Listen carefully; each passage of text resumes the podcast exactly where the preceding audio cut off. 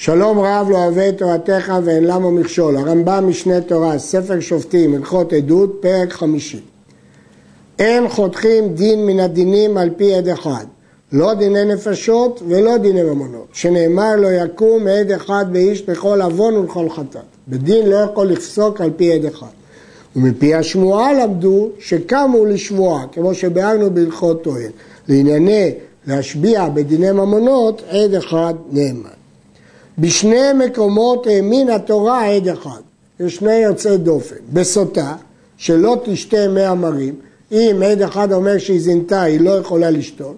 ובעגלה ערופה שלא תיערף. אם עד אחד ראה את ההורג, לא עורפים את העגלה, כמו שביארנו במקומה. ויש עוד יוצא אחד מן הכלל, אבל לא מהתורה, וכן מדבריהם בעדות אישה שיעיד לה שמת בעלה. אישה שמעיד עד אחד שבעלה מת, ואפילו אישה מעידה שבעלה מת, יכולה להינשא. הרמב"ם כותב כאן שזה מדבריהם. הרמ"ח מסיק שבסוף הלכות גירושין, הרמב"ם קבע שזה דאורייתא. למה? כיוון שמילתא דאבידא לעגלויה, אפשר לדעת אם הוא חי עומד גם בלי העדות האלה, ולכן אין חשש שהוא ישקר.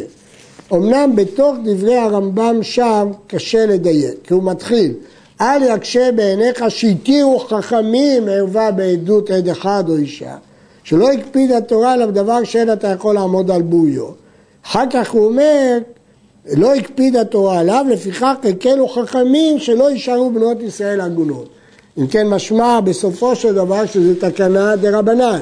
וכן גם מפה משמע שזה תקנה רבנן. אבל למה רבנן יכולים לתקן להתיר אישה? בגלל שזה מילתא דאבידא לגלויה, דבר שקל לברר אותו.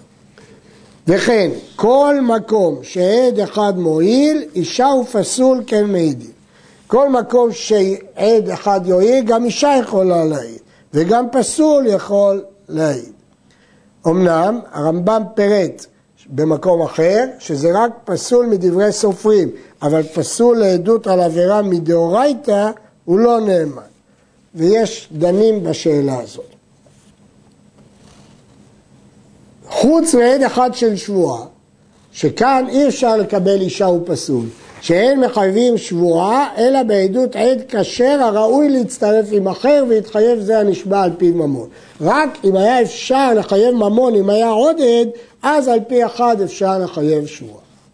על פי שני עדים או על פי שלושה עדים, כך כתוב בספר דברים. שואלת המשנה, אם אמרו שניים, למה צריך להגיד שלושה? פשיטא.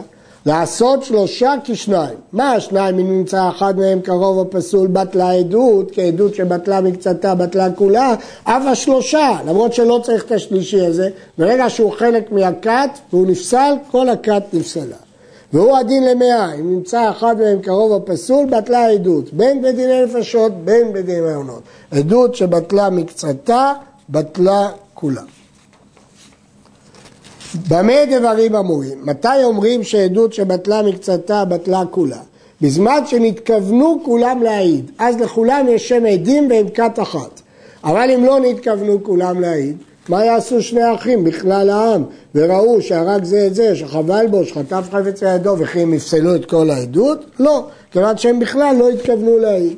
וכיצד בודקים את הדבר? כשיבואו לבית דין עדים מרובים, כת אחת, אומרים להם, כשראיתם זה שהרג או חבל, להעיד באתם או לראות? כל מי שאמר לא באתי להעיד עליו, אלא לראות מה הדבר, בכלל העם באתי, לא התכוונתי להעיד, מפרישים אותו. וכל מי שאמר להעיד באתי ולכוון העדות, מפרישים אותו. אם נמצא מאלו שנתכוונו להעיד קרוב או פסול, עדות כולם בטלה. כי כת זה רק אלה שהתכוונו להעיד. במה דברים אמורים בשהיה בהם קרוב או פסול? אבל אם היו כולם כשרים, אחד המתכוון להעיד ואחד שלא נתכוון להעיד, הואיל וראה הדבר וכיוון עדותו והייתה שם התראה, חותכים הדין על פיו, בין בדיני ממונות, בין בדיני נפשות. אומר הרמב"ם, שלא תטעה, אין כוונתנו לומר שהעד צריך להתכוון להעיד. גם עד שלא התכוון להעיד יכול להעיד, אפילו בדיני נפשות. כל מה שאמרנו פה כוונה זה כדי לצרף אותו לאם הכת. אבל אם יש שני עדים ואין ביניהם פסול, או ארבעה עדים ואין ביניהם פסול, גם אלה שלא התכוונו יכולים להעיד. כוונה לא צריך כדי להעיד, צריך כדי לצרף. אמנם צריך שהוא יראה את הדבר, כיוון עדותו. מקשים, אה, התוספות ישנים, הגאון מווילנה, יש גמרא בכריתות י"ב עמוד ב', ששם משמע שאלה שבאו למישהו ודרשו ממנו להעיד אז לא יכולים לחייב אותו קורבן שבועה אם הוא סירב, למה? כי הוא יכול להגיד, נכון שראיתי את העדות, אבל לא התכוונתי להעיד, לכן לא יכולתי להעיד. מפורש שם בגמרא, שהעד שלא נתכוון לא יכול להעיד, וכך שואל התוספות ישנים שם. מתרצים המפרשים שהכוונה שהוא לא כיוון את עדותו, לא שהוא לא התכוון להעיד, הוא לא ראה את העדות, ולכן הרמב"ם פה מדגיש, הואיל וראה הדבר וכיוון עדותו, התרכז בעדות, זאת הכוונה. שטר שהיו עדיו מרובים ונמצא אחד מהם פסול, או שהיו בהם שניים קרובים לאל הזה, ויש עוד עדים, האם כל העדות פסולה? והרי אין עדים קיימים כדי לשאול אותם אם הם התכוונו או לא. אם יש שם עדות ברורה שכולם ישבו לחתום, הרי הם התכוונו כולם להעיד, הרי זה בטל, כי אם הם ישבו לחתום, ודאי שהתכוונו להעיד. ואם לאו, תתקיים העדות בשער. אנחנו מניחים שהקרובים חתמו רק לכבוד. ולמה מקיימים העדות בשער? שהרי אפשר שחתמו הכשרים והניחו מקום לגדול לחתום ובא זה הקרוב והפסול וחתם שלא מדעתם.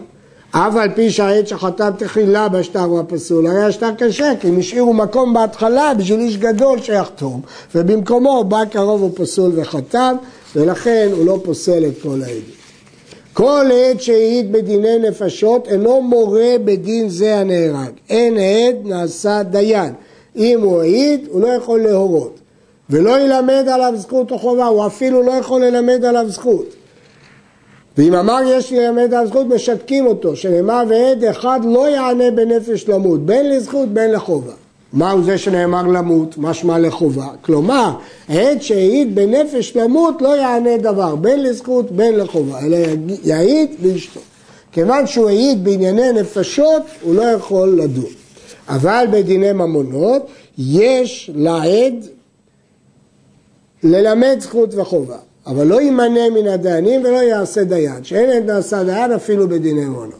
אז לעניין לעשות דיין בשום מקרה הוא לא יכול, אבל ללמד זכות בדיני ממונות התירו לו והוא לא נמנע מן המניין. במה דברים אמורים? בדבר שצריך עדים מהתורה וצריך דיינים לדון באותו הדבר מן התורה, אבל בשל דבריהם עד נעשה דיין. הגמרא במסכת ראש השנה כותבת בדברים דה רבנן עד נעשה דיין. כיצד? אחד שהביא את הגט ואמר בפניי נכתב ובפניי נכתב, הוא ושניים נותנים אותו לה, גם השליח, למרות שהוא העיד בפניי נכתב, ונמצא כאילו נטלה אותו בבית דין וכן כל כיוצא בזה. למה? אומרת הגמרא בתחילת גיטין, כי עדים החתומים על השטר נעשה כמי שנחקרה בבית דין, לא צריך בכלל קיום. כל קיום שטרות זה מדי רבנן, אז כיוון שזה דה רבנן, אז השליח שאומר בפניי נחתם יכול להיות גם הדיין. עד כאן.